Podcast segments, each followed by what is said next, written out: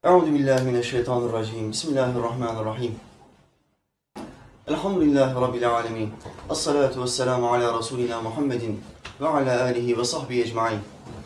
اللهم إنك عفو كريم تحب العفو فاعف عنا.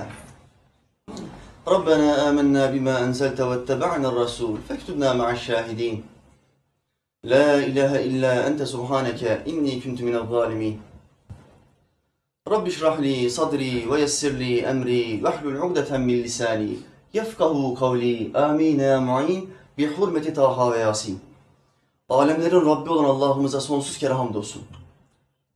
Dilimizi döndürene, gözlerimizi gördürene, bizi akılsız etmeyene, akıllı edene, ayaklarımızı bu meclise getirene, bizi ilim meclisine gelme konusunda nasipdar edene, o Allah'a yarattıklarının nefesleri adedince hamdü senalar olsun.'' O Allah ki Adem'in Allah'ı, Nuh'un Allah'ı, Hud'un ve Salih'in Allah'ı, İbrahim'in, Lut'un, İsmail'in Allah'ı, İshak'ın, Yakub'un ve Yusuf'un Allah'ı, Eyyub'un Allah'ı, Şuayb'ın ve Musa'nın Allah'ı, Davud'un, Süleyman'ın, İlyas'ın ve Elyasa'nın Allah'ı, Yunus'un, Zekeriya'nın, Yahya'nın ve İsa'nın Allah'ı ve adı dört kitapta övülmüş olan Efendimiz Ahmet'in Allah'ı sallallahu aleyhi ve sellem. Allah'ın peygamberlerine selam olsun. Rabbimize hamd etmek lazım ki bizi bu kadar kıymetli, bu kadar bereketli bir geceye üç ayların başına eriştirdi. Üç ayların ilki Recep ayıdır. Regaib gecesi ise Recep'in ilk perşembe gecesidir. Sultanım Efendim Muhammed Aleyhisselam bir hadisinde bu geceyi şöyle metheder. Allah Teala şu beş gecede yapılan duayı reddetmez. Beş tane gece.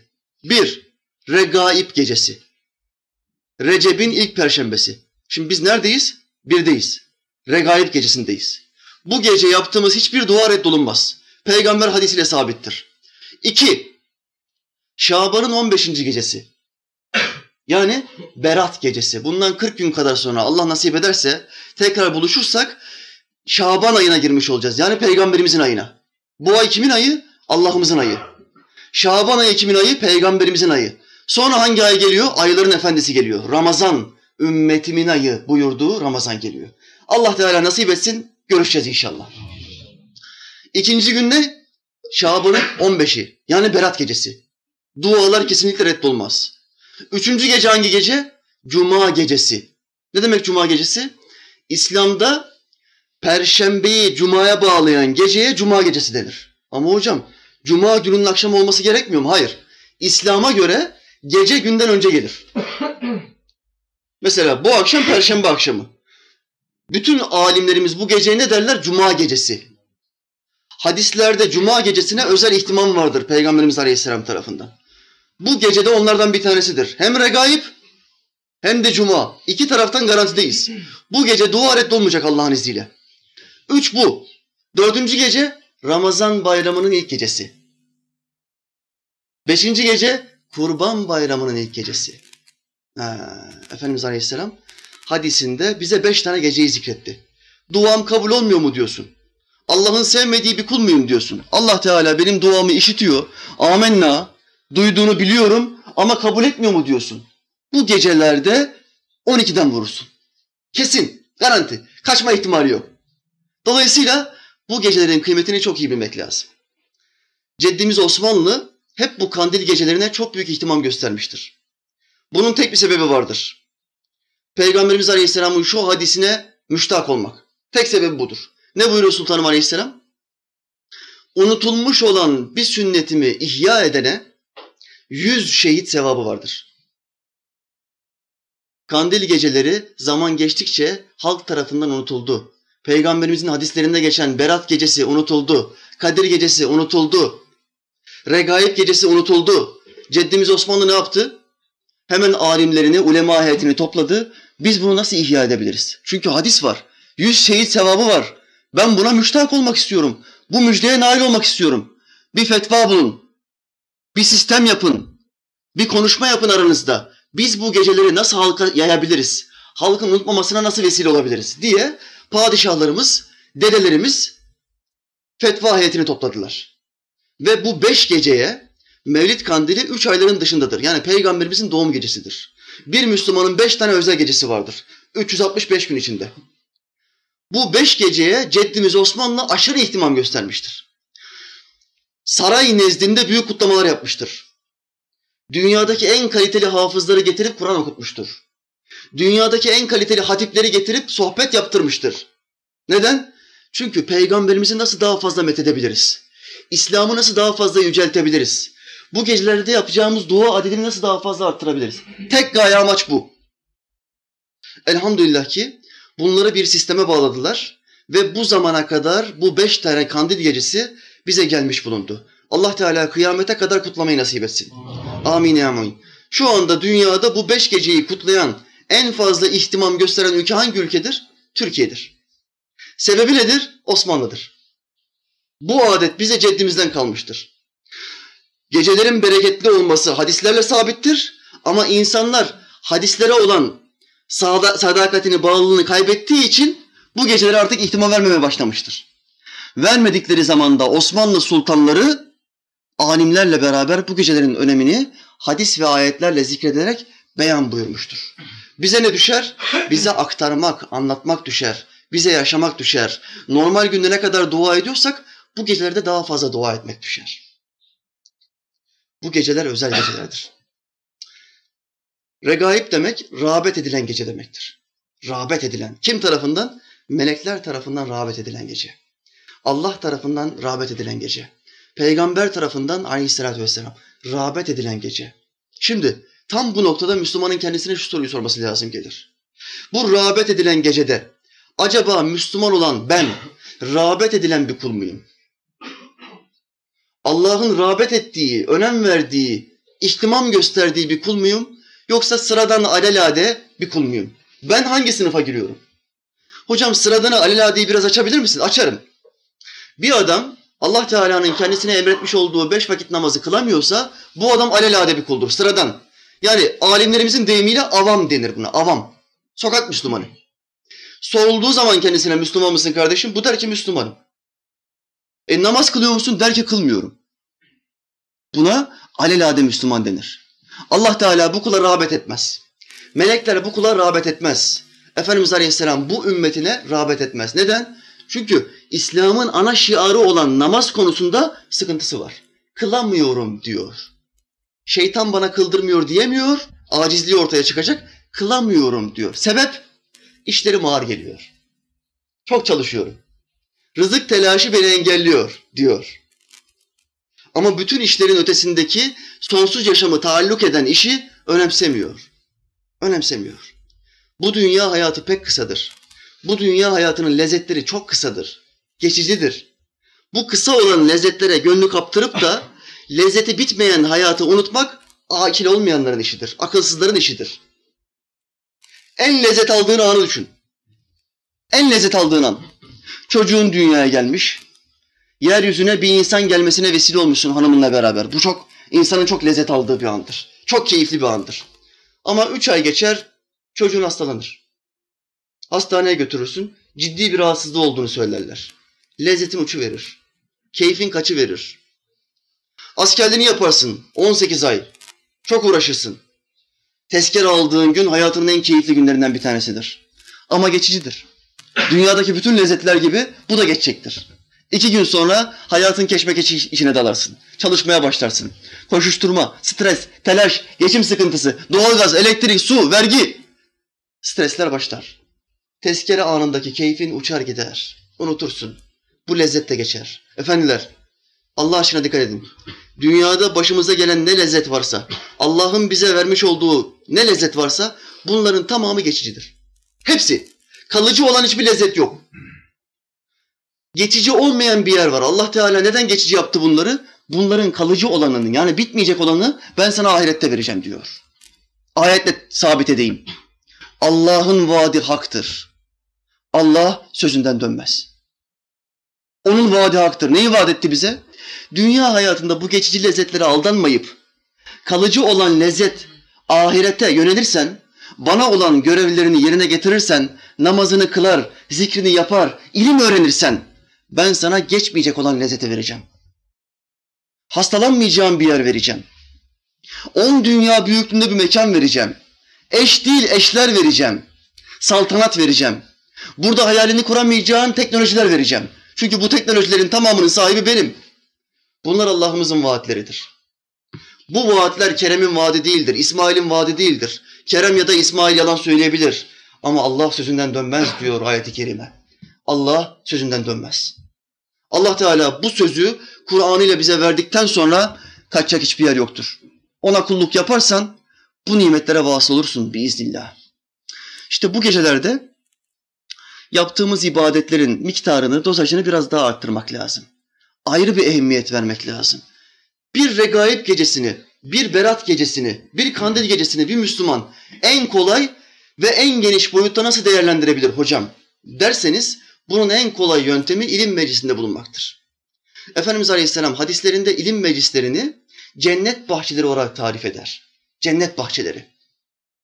Kul ilim meclisinde bir saat bulunduğu zaman bütün gece sabaha kadar namaz kılsa o bir saat namazdan eftaldir buyuruyor Efendimiz Aleyhisselam. Ya hocam saatler var. Bütün gece sabaha kadar namaz kılmak demek 8-9 saat boyunca yatıp kalkmak demek. Dolayısıyla bedenin efor sarf etmesi demek. Ama bir adam ilim meclisine gittiği zaman yatıp kalkmıyor. Sadece oturuyor ve dinliyor. Yaptığı tek şey bu. Bununla bu nasıl eşdeğer oluyor? Allah'ın peygamberi böyle buyuruyor. Neden? Çünkü ilim ibadetten de üstündür. Bir kul nasıl ibadet yap, yapacağını bilmezse ibadeti geçersiz olur. Nasıl abdest alacağını bilmezse namazı geçersiz olur. Orucu bozan halleri bilmezse orucu geçersiz olur. Malının zekatını nasıl vereceğini, o borcu, fakire olan borcunu nasıl taksim edeceğini bilmezse zekatı geçmez. Cehenneme gider. Hayırlı amellerin tamamı askıda kalır buyuruyor Efendimiz Aleyhisselam. Zekatını eksik veren kulların. Kabirde gittiğinde hayırlı amelleri dikkate alınmaz. Hepsi askıda kalır. Neden? Çünkü bu kul zekatını eksik verdi. E bir adam ilim meclisine gitmezse, bu ilimleri öğrenmezse nasıl doğru İslam yaşayacak?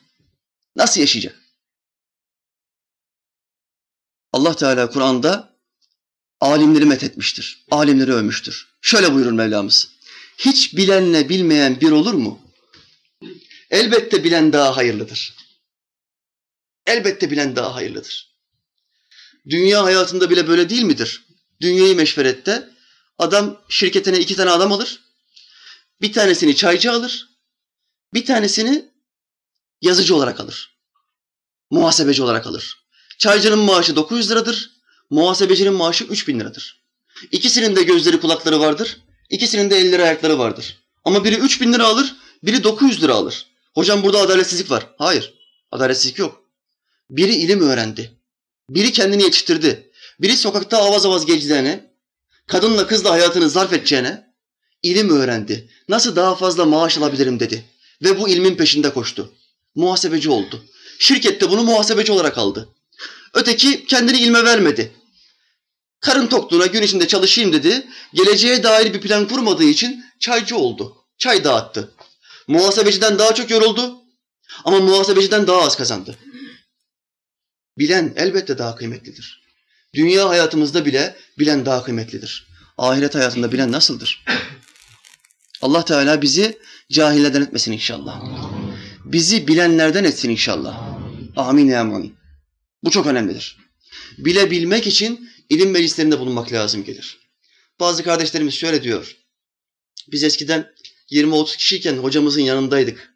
Çok yakın. Ondan sohbet dinliyorduk. Ama şimdi böyle çok kalabalık olunca sorularımızı ona soramıyoruz. Halleşemiyoruz. Rüyalarımızı anlatamıyoruz. Manevi hallerimizi bölüşemiyoruz. Rabıtayı zikri konuşamıyoruz diye yakınıyorlar kendi kendilerine. Fakat kardeşler, İslam öyle bir davadır ki senin bir kıymetin yoktur. Hocanın bir kıymeti yoktur. İslam öyle bir davadır ki insanın kıymeti vardır. Müslüman olmak zorunda olan insanların kıymeti vardır. Bir adamı daha fazla İslam'a sevk edebilirsen senin hocandan da kıymetlidir, senden de kıymetlidir. Senin rüyandan da kıymetlidir, senin zikrinden de kıymetlidir. Bir tek adamı Müslüman yapmak her şeyden daha kıymetlidir. Bütün keyiflerinizden vazgeçin, Bir tek adamı İslam'a sevk etmeye gayret gösterin. Bir tek adam. Bir Müslümanı Müslüman yapmaya gayret gösterin. Ya hocam Müslümanı Müslüman yapmak nasıl oluyor? Şöyle oluyor. Adam ben Müslümanım diyor ama içki içiyor. Burada sıkıntı var. Ben Müslümanım diyor ama içki içiyor. Bir adam nasıl oluyor hem Müslümanım deyip hem içki içecek? Böyle iş olur mu? Bu adamı Müslüman yapman gerekiyor. Bu çakma Müslümanı gerçek Müslüman yapman gerekiyor. Bunu nasıl yapacaksın? İlim öğreteceksin. Tıpkı peygamberlerin bize karşılıksız öğrettikleri gibi. Sen de bu insanlara ilim öğreteceksin. İlim öğrenmediği zaman bu adam sokakta Allah'a Tanrı diye hitap etmeye başlar. Tanrım Tanrım der. Biz Tanrı diye birini tanımıyoruz. Biz Allah'ı tanıyoruz. Kur'an'da bir tek Tanrı lafı geçmez. Hep Allah lafzı geçer. 124 bin peygamber göndermiştir Allah Allah'ımız. Farklı farklı kitaplar ve suhuflar göndermiştir. Bütün peygamberlerin ağzından yerlerin ve göklerin sahibi olarak tek bir zatın ismi geçer. Allah Celle Celaluhu. Tanrı diye bir tabiri hiçbir peygamber kullanmamıştır. Hiçbir alim kullanmamıştır. Ama sen Müslüman olduğunu iddia ediyorsun ve yaratıcına Tanrı diye hitap ediyorsun. Olmaz. Tanrı cins isimdir. Allah özel isimdir. Bir temsille anlatayım. Benim adım Kerem. Yolda beni gördünüz. Ve şöyle dediniz. Cömert abi nasılsın? Oldu mu bu? Benim adım Cömert değil, benim adım Kerem. Cömert, Kerem'in manası demektir. Kerem isminin manası cömert demektir. Sen bana cins isminle hitap ediyorsun. Cömert diyorsun. Ben bunu kabul etmiyorum. Benim adımla hitap edeceksin. Ötekisinin adı Arif. Ne demek Arif? Bilen demek. Yolda arkadaşı görüyor. Vay bilen kardeş nasılsın? Bilen mi? Bilen olur mu? Bu adama Arif diyeceksin. Özel ismiyle hitap edeceksin. Arif diyeceksin. Allah'ımıza da özel ismiyle hitap edeceğiz. Herhangi bir Müslüman bir tarikata intisap ettiğinde tarikat lideri, mürşidi ona ne zikrini verir? Tanrı, Tanrı, Tanrı. Tanrı zikrini veren bir tarikat mürşidi olur mu? Böyle saçma sapan iş olmaz. Allah lafzını verir. Allah. Ondan sonra tevhide geçirirler. La ilahe illallah lafzını verirler. Neden böyle bir sistem var? Neden insanlara Tanrı kelimesini empoze etmeye çalışıyorlar? Çünkü kendi tanrılarıyla bizim Allah'ımızı eşe koymaya çalışıyorlar. İskandinavların tanrıları, Odin, Thor, onlar da tanrı. Romalıların tanrıları, Jüpiter, Satürn, Neptün, Plüton, bunlar da Romalıların tanrıları. Yunanlıların tanrıları, Zeus, Hades. Bunlar da onların tanrıları. Sizin de tanrınız böyle diyorlar. Hayır kardeşim, tanrılar yok. Bir tek ilah var. Rab var, ilah var, Allah var. Tanrı yok. Ama sokaktaki Müslüman Tanrı diye hitap ediyor Allah'ına. Bu nasıl oluyor? Çünkü bilmiyor. Çünkü Müslüman ama Müslümanlaştırılmamış. Çünkü Müslüman ama cahil kalmış. Çünkü ilim meclislerine gidemiyor. Bir adam ilim meclisine gitmediği zaman, ayakları ilim meclisinden kesildiği, koptuğu zaman kafasına göre bir din yaşar. Kafasına göre bir ilaha talip olur, kulluk yapar. Kafana göre Müslümanlık yoktur kardeşim. Müslüman, İslam dinini yüceltmek, İslam dinini geliştirmek için çalışır. Müslüman, ben kendi işime bakayım, kendimi kurtarayım. Kim ne yaparsa yapsın, mahallemdeki adam ne olursa olsun demez. Demez. Müslüman, bu regaib gecesini hayırla yad edeyim. Gece yüz vakit namazımı kılayım, yüz rekat namaz kılayım. Bol bol zikir dersimi de yapayım. Ondan sonra yatayım. Yan komşum Hristiyan olmuş, problem değil demez. Müslüman der ki bu yan komşum hak bir dinden bozulmuş olan kanuna yani batıl bir dine geçti. Benim bunu tekrar cennet yoluna döndürmem lazım. Çünkü Allah Teala Kur'an'da Yahudi ve Hristiyanların ebedi olarak cehenneme gireceğini söylüyor. Ama hocam Zeytinburnu'nda şu anda 100 tane kilise evi açılmış. 100 tane kilise evi var Zeytinburnu'nda. Ama 100 tane sohbet evi yok.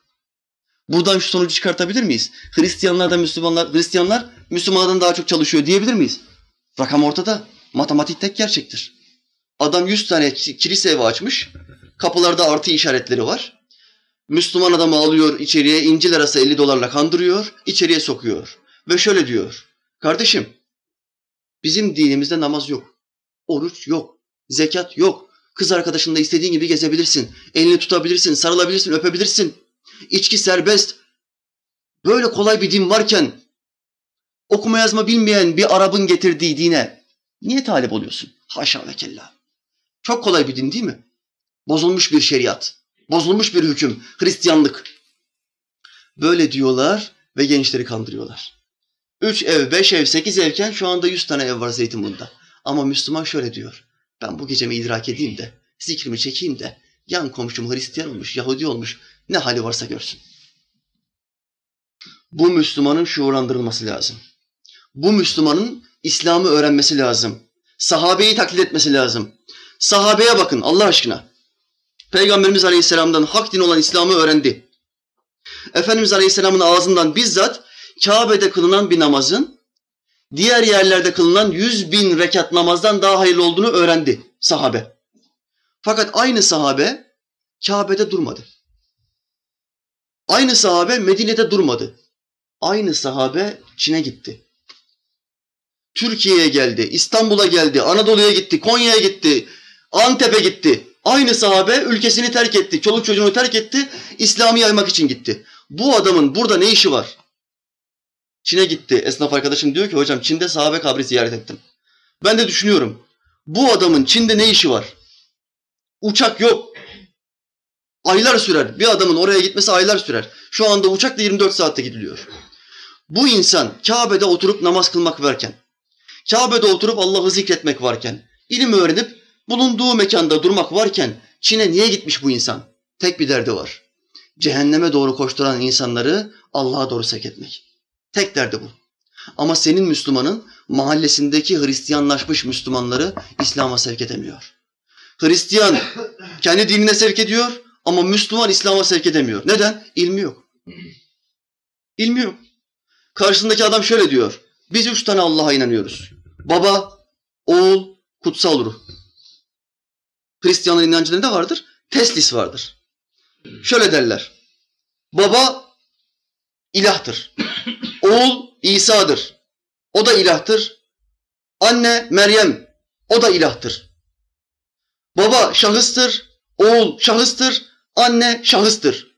Ama aslında üç değildir. Üçü birdir. Teslis inancı budur. Bir artı bir artı bir eşittir bir derler. Matematiği kökten inkar ederler. Müslümanları kandırırlar. Neden kanar Müslüman? Çünkü İncil'in arasında 50 dolar görüyor. Çünkü çok kolay bir şeriat görüyor karşısında. Madem Yahudi ve Hristiyanlar da cennete girecekmiş. Sapık bir grup türedi ya şimdi diyorlar. Yahudi ve Hristiyanlar da cennete girecek. Vay arkadaş ya. Nereden çıktı bu? 1400 senedir bir tane İslam alimi böyle bir şey söylememiş. Siz bunu nereden çıkarttınız? Ayetler ve hadisler tam tersini söylüyor. Fî nâri cehennem. Yahudi ve Hristiyanlar ve puta tapanlar fî nâri cehennem. Onlar cehennemdedir. Hum fîhâ halidûn. Ebedi olarak ateşte kalacaklardır. Allah Teala onlar hakkında cehennemdedirler ve ebedi olarak ateşte kalacaklardır diyor. Müslüman diyor ki yok hocam onlar da girecekmiş. Müslümanlar söylüyor. Bunlar da kitap okuyor. Bunlar da namaz kılıyor. Diyorlar ki Yahudi ve Hristiyanlar da cennete girecek. Bu nasıl bir şey hocam? Efendiler, cahil Müslüman kadar tehlikeli bir adam dünyada yoktur. Cahil Müslümanın İslam'a verdiği zararı kafir bile veremez. Kafir bile veremez. İşte bundan dolayıdır ki İngilizler Osmanlı Hicaz'a Arabistan bölgesine sahipken Osmanlı'yı yıkamadıkları ve zarar veremedikleri için Arabistan'da Necd bölgesinde Abdülvehhab denen sapık bir adamı bulmuş ve Vehhabilik mezhebini kurdurarak İslam'ı bölmeye çalışmıştır. Alternatif bir din üretmeye çalışmıştır. Neden? Dini az bilen, hükümleri tam olarak bilmeyen insanlara Vehhabilik denen yeni bir akımı beyan edelim. Farklı bir din söyleyelim. Daha kolay bir din. Hadisleri reddeden, bize sadece Kur'an yeter diyen bir din. Vehhabilik dini. Kendi görüşlerinin dışında olan bütün Müslümanlara kafir diyen bir mezhep. Vehhabilik mezhebi. Kanlı bir mezhep. Vehhabiliğe girmeyen insanların tamamının kanı, canı, malı ve namusu bize helaldir diyen kanlı bir mezhep. Böyle bir mezhep kuralım ve İslam'ı bölelim demişler ve cahil Müslümanlar arasında başarılı olmuşlardır. İşte Müslümanlar sadece ben kendi inancıma bakarım, komşum ne yaparsa yapsın diyen Müslümanların birçoğu savunmada kaldıkları için buna aldanmışlardır. Efendiler futbolda iki tabir vardır. Bir, hücum. iki savunma. Savunmayı yapan takımlar zayıf takımlardır. Kuvvetli takımlara karşı hep savunmada bulundular. Daha az nasıl gollerim, masın, maçı nasıl berabere bitirebilirim? Tek dertleri budur. Neden? Çünkü karşı rakipteki kadar kalite futbolcuları bu takımda yoktur. Mali gücü daha düşüktür. Taraftar gücü daha düşüktür. Ne yapacak bu adam? Savunmaya geçecek. Ama kupaları savunma yapanlar almazlar. Kupaları hücum oynayanlar alırlar. Müslüman da iki türlüdür. Savunma yapan Müslüman, hücum yapan Müslüman. Savunma yapan Müslüman şudur. Kardeşim ben onu bunu bilmem. İlimle milimle işim olmaz. Namazımı kılarım, orucumu tutarım, hacca giderim, hiçbir şey karışmam. Yan komşum Hristiyan mı olmuş, Yahudi mi olmuş, mahallemdekiler ot mu içiyor, esrar mı içiyor, bana ne? Umursamam. Bunun adına savunma Müslümanı denir. Cahil Müslümandır. Karşılığı budur. Hücum Müslümanı ise şöyle yapar. Tıpkı sahabi gibi. Mahallemde bir tek esrarcı kalmayıncaya kadar savaşacağım. Nasıl savaşacağız? Kılıçla, kalkanla, taşla, tüfekle mi? Hayır. Zaman soğuk savaş dönemidir. Zaman ilim dönemidir. Kılıç kalkan dönemi Efendimiz Aleyhisselam'la beraber bitmiştir. Şimdi soğuk savaş dönemi. İlmimizi aktaracağız. İslam'ın edebini ve güzelliğini aktaracağız. Ve bu adamı esrardan kopartmak için elimizden gelen her şeyi yapacağız. Bu adamı kahvede küfür çayı içmekten kopartmak için elimizden gelen her şeyi yapacağız. Neden? Çünkü küfür çayı olan yerde gıybet vardır. Çünkü kağıt oynadığın yerde şehvet muhabbeti vardır. Kağıt oynadığın yerde kupon doldurma muhabbeti vardır. Eşek doldurursun, iddia doldurursun, piyango alırsın. Çünkü orada kağıt oynuyorsun. Oralar şeytan yuvalarıdır. Sen oraya gittiğin zaman şeytanın birken dört olur. Hiç oynamam dersin. Arkadaşlarıma bakıyorum dersin. Üç ay sonra meraktan sen de başlarsın. Efendimiz Aleyhisselam şöyle buyurur. Merak ilmin kapısıdır. Hem faydalı ilimlerin hem de faydasız ilimlerin. Bir topçu şöyle anlatıyor. Genç bir futbolcu kardeşimi bana verdiler takım kaptanı olarak. Dediler ki sen bununla ilgilen. Ben de aldım bu arkadaşla ilgilenmeye başladım. Neden bunu bana verdiler? Çünkü çok at yarışı oynuyordu. Kumara çok meyyaldi. Onunla bir hafta, iki hafta, dört hafta, beş hafta takıldım. Bir baktım beş hafta sonra ben de at yarışı oynuyorum. Dikkat buyurun. Kaptan genç talebeyi, genç futbolcuyu düzeltmesi için kaptana görev veriliyor. Ama harama gitmek helale gitmekten daha kolaydır. Şeytana gitmek Allah'a gitmekten daha kolaydır. Haram cezbedicidir. Mıknatıs gibi çeker. Temsil getireyim. Yol ortasında üç tane arkadaşınla oturuyorsun.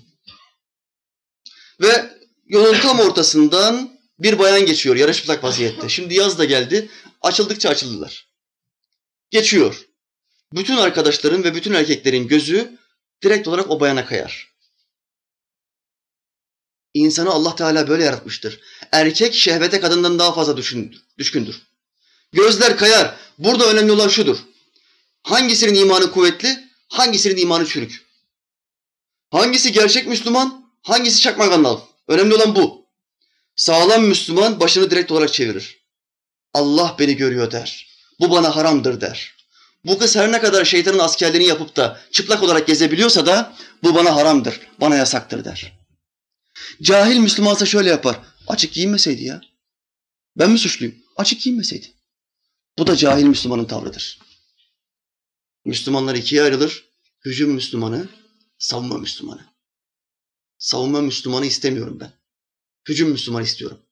Mahallendeki adam içki içiyor, tek kelime etmiyorsun. Bir selam bile vermiyorsun. Bu adam kopmuş bitmiş diyorsun. Allah'ın selamını ver kardeşim. Allah'ın selamını ver. Mahallendeki adam cuma namazına gitmiyor. Umursamıyorsun. Tek kelime etmiyorsun. Allah rızası için kardeşim. Allah'ın peygamberi şöyle buyurdu. Cuma namazına gitmeyen kulun iki yakası bir araya gelmesin. Bu iki yakası bir araya gelmesin tabirini biz Türkçe'de çok kullanırız. Ne der insanlar? Sıkıl, sıkıştığı zaman, dünya işleri ters gittiği zaman ne derler? İki yakan bir araya gelmiyor be kardeşim. Elimi attığım kuruyor ya derler. Efendimiz Aleyhisselam beddua ediyor cuma namazına gitmeyene. İki yakası bir araya gelmesin. İşleri hep ters gitsin. Neden? Çünkü cuma Müslümanların toplanma günüdür. Müslümanların birleşme günüdür. Sen bugüne nasıl gitmezsin? Hristiyanlar bile pazara sektirmiyor ya. Sen bir Hristiyan kadar olamıyor musun? Efendiler, Allah Teala bizi şaşıranlardan etmesin inşallah. Efendimiz Aleyhisselam bir hadisinde şöyle buyuruyor. Sizden kimse şeytan bana asla bunu yaptıramaz demesin. Bak şimdi. Bizi ikaz ediyor sultanımız. Şeytan bunu bana asla yaptıramaz demesin. Şeytan okula çocuklarının tamamını gönderir ve o işi ona yaptırır. Hadis böyle bitiyor. Alimlerimiz bu hadisi şerh ederken, açıklarken şöyle diyorlar. Bir kul iddialaşırsa, şeytana meydan okursa, şeytan iyalinden, evlatlarından birçoğunu bu kulun üstüne özellikle yapmam dediği o günahı işletmek için yollar. Bundaki amacı nedir? Bundaki amaç şudur. Söz verdiği ve ben bunu kesin yapmam dediği şeyi şeytan ona yaptırırsa psikolojik olarak çöker. Kendine olan inancını ve güvenini kaybeder. Ve adam o işi yaptıktan sonra İslam'dan kopmaya başlar. Bir sözümü tutamadım ya. Artık bundan sonra beni Allah da affetmez. Haşa ve kella. Tam şeytanın istediği pozisyona girer. Allah bile artık seni affedemez dedirtir. Bu da küfür demektir. Çünkü Allah'ımızın bu dünyada affedemeyeceği hiçbir günah yoktur. Kişiyi öldürmek, insan öldürmek de buna dahildir. Samimi bir tövbeyle Allah Teala bunu bile affeder. Sen ne günah işledin ki Allah affetmez diyorsun. Efendiler, şeytana meydan okumayın. Yaptığınız işlerin iyi olduğunu düşünmeyin. Yaptığınız işlerle gururlanmayın, kibirlenmeyin. İyi yaptığınızı düşünürsünüz ama o işin sonucunda şeytan sizi aldatmıştır. Farkında değilsiniz. Ucup diye bir tabirden bahsederler İslam alimleri. Ucup. Ne demektir bu? Amelimizi beğenme, işimizi beğenme. İyi bir şey yaptım diyorsun ama kötü bir şey yapıyorsun. Nasıl anlatayım? Mevlana'mızdan bir hikaye anlatayım. Hazreti Mevlana Mesnevi'de bir hadise anlatıyor. Sağarla hastanın hikayesini anlatıyor. Bir sağar vardı. Mahallesinden bir arkadaşı buna geldi ve şöyle dedi. Kardeşim, arka sokakta bir komşumuz vardı. Ağır bir hastalığa düşer olmuş. Bir ziyarete gider misin? Sağır kulağını yaklaştırdı bir daha söyle dedi. Adam bir daha söyledi. Sağır şöyle dedi kendi kendine ya ben onu ziyarete gideceğim de zaten zor iş diyorum. E o da hastadır. Normal konuşmasından çok daha kısık sesle konuşacak. Ben bununla nasıl anlaşacağım dedi. Kendi kendine hesap yapmaya başladı. Fakat sonra düşündü. Ya bir hastayla bir ziyaretçinin arasında ne geçebilir ki? Ben ona sorarım. Nasılsın? O da bana der ki hamdolsun. iyiyim. Ben de derim ki çok şükür. Ben ona sorarım. Ne yedin? Gün içinde ne yiyorsun? Katığın nedir? O da bana der ki çorba içiyorum, ekmek yiyorum. Ben de derim ki afiyet olsun. Ben o hastaya sorarım. Sana gelen doktorlardan, tabiplerden kimdi? İsmi nedir? O da der ki falancadır. Ben de derim ki çok iyi tadarım. Çok sağlam doktordur. Elini attığı dirilir. Çok hayırlı bir adamdır. Bereketli bir adamdır derim. Diye sağır kafasında plan kurdu. Hesap yaptı. Ve hastayı ziyarete gitti. Selamun aleyküm dedi. Hasta dedi ki aleyküm selam. Sağır şöyle dedi. Nasılsın komşum? Hasta dedi ki öldüm. Sağır şöyle dedi. Elhamdülillah. Elhamdülillah. Çok şükür. Hasta uylandı. Bu adam düşman mı dost mu? Ne diyor bu adam ya? Sağır şöyle dedi. Ne yersin ne içersin? Hasta dedi ki zehir yerim.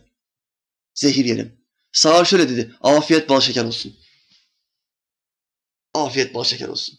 Hasta öfkelenmeye başladı. Hasta sinirlenmeye başladı. Bu adamın niyeti kötü dedi. Sağır ona sordu. Sana gelen tabiplerden kimdir? İsmini verir misin?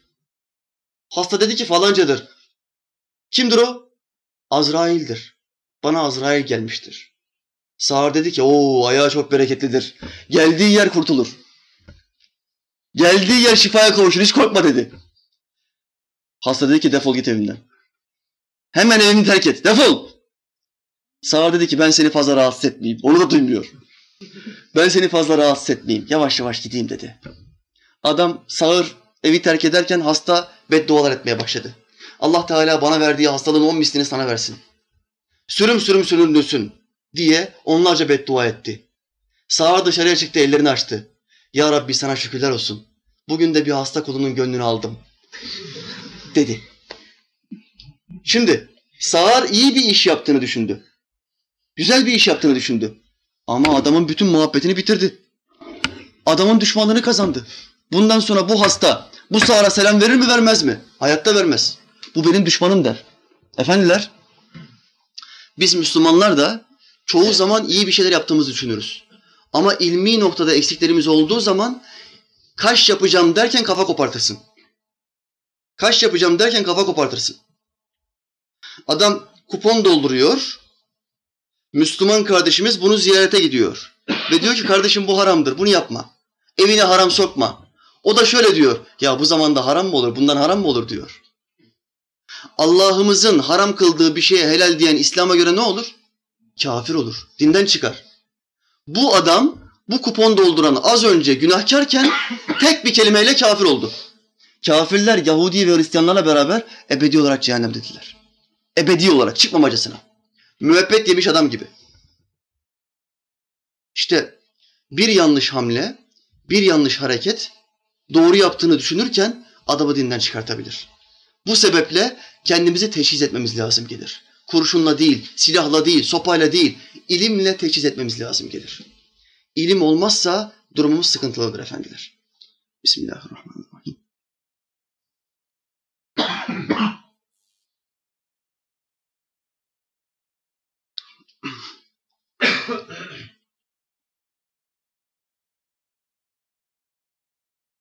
Bir kardeş geldi. Hafta arasında şöyle dedi. Hocam zikir dersimi yaparken şeytanlar geliyor, vesvese veriyorlar. Kafam çok karışıyor, kendimi zikre veremiyorum dedi. Ne tavsiye edersin? Ben de ona şöyle dedim. Kardeşim, Euzu Besmele çek, Estağfurullah çek ve dersine devam et. Gitti, yine geldi üç gün sonra. Hocam dedi, dediğinizi yaptım fakat yine aynı vesvese devam ediyor. Şeytan benimle uğraşıyor. Ne yapmam lazım? Kardeşim dedim, kaç defa Euzu Besmele çektin? Hocam dedi, bir kere çektim. Ya kardeşim öyle iş olur mu? Bir kere olur mu? Bol bol Euzu Besmele çekeceksin. Vesvese bitinceye kadar, şeytan kaçıncaya kadar. Adam şöyle dedi. Hocam, benim adım Arnavut Ramazan. Ben bir şeytana iki defa bıçak sallamam. İşte derviş böyle olunca işi çözemez. İlim eksik olunca, havacıva işi olunca işi görevi tam olarak yapamaz. İlim lazımdır, muhabbet lazımdır. Denilen görevi yapmak lazımdır. Kafana göre yaptın mı kafana göre din oluyor. Kafana göre din olmaz. Alimler kitaplarında binlerce cilt kitap yazmışlar. Allah'ımızın altı bin küsur ayetini açıklamak için binlerce cilt kitap yazmışlar. Bunlar boşuna mı yazdı bunları? Aziz ve kerim Allah Celle Celaluhu. Bunlara uyacaksın. Ehli sünnet alimlerine yolun uymadığı zaman sapıklığa düşersin. Kafana göre hüküm verirsin. Göremediğimiz bir alem vardır insanoğlunun. Şimdi şu şurada bu kadar kalabalık insan görüyorsunuz. Bu gördüğümüz alemdir. İnsanlık alemi. Bir de metafizik alem vardır. Göremediğimiz alem. Bu metafizik alemde de yaşayan üç canlı vardır. Bir, melekler. İki, cinler. Üç, şeytanlar. Bunlar metafizik alemde. Biz bunları göremiyoruz ama bunlar bizi görüyor. İnsan her an bunlar tarafından da görüldüğünü bilerek yaşamak zorundadır. Müslüman böyledir. Şimdi regaib gecesindeyiz. Önemli, bereketli bir gecedeyiz. Bu gecede ilim meclisinde bulunanların meclislerine akın akın melekler giderler. Hadislerle sabittir. Zikir meclislerine ve ilim meclislerine melekler akın akın giderler ve orada toplanan kulların mağfireti için, affolması için Allah'a dua ederler. Hocam şu anda peygamberimizin hadisine göre burayı melekler işgal etmiş. Ama biz görmüyoruz. Görmüyoruz ama metafizik alemden bu üç varlıktan bir tanesini inkar edene İslam kafir der. Neden? Çünkü Kur'an melekten de bahseder, cinden de bahseder, şeytandan da bahseder. Herhangi bir Müslüman cahilliğine geldi, ilmi olarak kendini geliştirmedi ve boş bulundu. Şöyle dedi, cin diye bir şey yoktur. Ne olur bu adam? Kafir olur. Kafir olur. Bak Efendimiz Aleyhisselam ne buyuruyor? Kişi iki tane salih komşusundan nasıl utanıyorsa sağındaki ve solundaki meleklerden de öyle utanması lazımdır. Tamam da hocam görmüyoruz. Sen görmesen de onlar seni görüyor. Sağımızdaki solumuzdaki melekler var.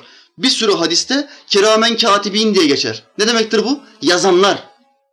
Yazan melekler. Sağdaki amir, soldaki memur, sağdaki rütbeli. Emir verirse, yazma derse soldaki bir süre yazmaz, bekler. Kulun tövbe etmesini bekler. O kişi yaptığı günaha kısa bir zaman içinde tövbe ederse sağdaki emreder, yazma, tövbe etti. Tövbe de ayrıca bir ibadet olduğu için sağdaki melek tövbe olarak yazar. Bu iki meleğin dışında dört melek daha vardır insanın etrafında. Sağ, sol, ön ve arkada. Bunlara da hafaza melekleri denir. Hafaza yani koruyucu meleklerdir. Bunların tek görevi vardır. Kişinin başına gelecek olan musibetlerin dozajını eksiltmek. Engellemek ya da eksiltmek. Mesela yukarıdan adamın kafasına saksı düşüyor. Tam kafaya düşecekken bir, bir iş oluyor, omzuna düşüyor. Dikkat buyurun. Yolda yürüyen adamın kafasına saksı düşerse mi daha fazla zarar verir? Omzuna düşerse mi daha fazla zarar verir? Omza düşerse daha az zarar verir. Kafa bitirebilir. Felç olursun. Kritik bir yere gelirse felç olursun. Şimdi bu hafaza meleklerinin görevi darbenin şiddetini azaltmak. İnsanı korumak. Allah Teala metafizik alemde biz kullarını koruması için böyle melekler yaratmıştır. Ama bu kullar o Allah için hiçbir şey vermez. Hiçbir hizmette bulunmaz. Hiçbir kulluk yapmaz. O Allah'ın kendisine serdettiği ilimlerden öğrenmek için hiçbir gayrette bulunmaz. Sultanım Aleyhisselam şöyle buyuruyor bir başka hadisinde. Bir kişi gece gusletmeye kalkar da çıplak olarak guslederse, kendisinde delilik alametleri ortaya çıkarsa suçu kimseye atmasın. Dikkat buyurun. Olabilir. Geceleyin kalktık, rüyalanmışız ve temizlenmeye ihtiyacımız var. Ama temizlenmeye, banyoya girdiğimizde iki seçeneğimiz var. Ya dini bilmeyenler gibi çıplak gireceğiz ya da dini bilenler gibi en azından bir şortla yahut bir iç çamaşırıyla gireceğiz. Edebi, sünnetteki edebi nedir bunun? Peştemalla girmektir. Diz ve avret bölgesini kapatmaktır. Neden? Çünkü cinlere açığız, şeytanlara açığız. Evuzu besmele çekmeden girersek cinler ve şeytanlar bizi çok kolay bir şekilde görebilir. Peygamberimiz bizi, bizi tehdit ediyor. Şayet çıplak olarak içeriye girersen, çıplak olarak yıkanırsan sende bazı delilik alametleri ortaya çıkabilir.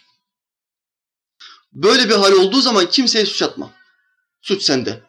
Çünkü örtünmedin. Avret mahallimizi örteceğiz. Şimdi melekler bizi her yerde terk etmiyor, yalnız iki yerde terk ediyor buyuruyor Efendimiz Aleyhisselam. Bir, cima halinde. iki hela halinde. Yani defi hacet esnasında.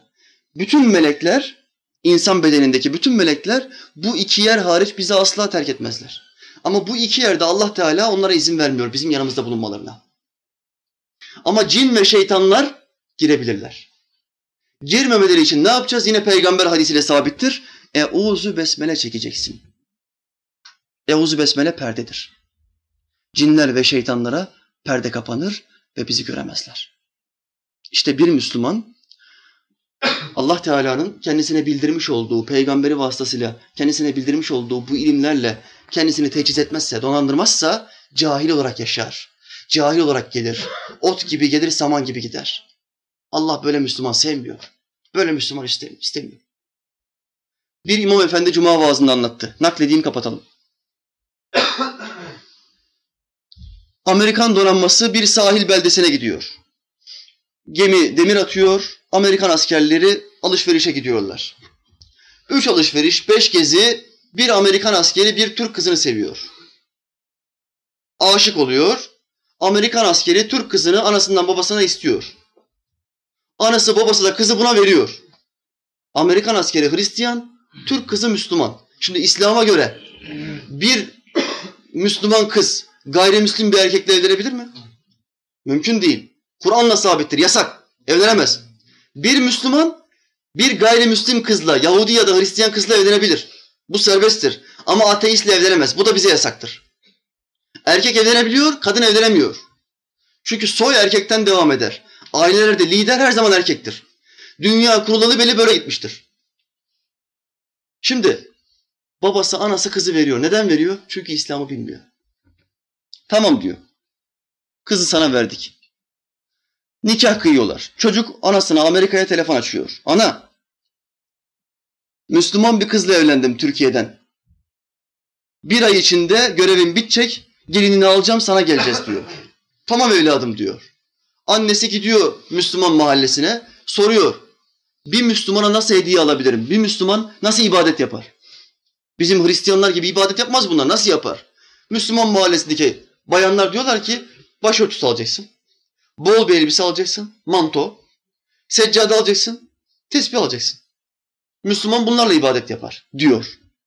Amerikalı anne bu hediyeleri alıyor. Bir ay sonra bu kız eve gidiyor.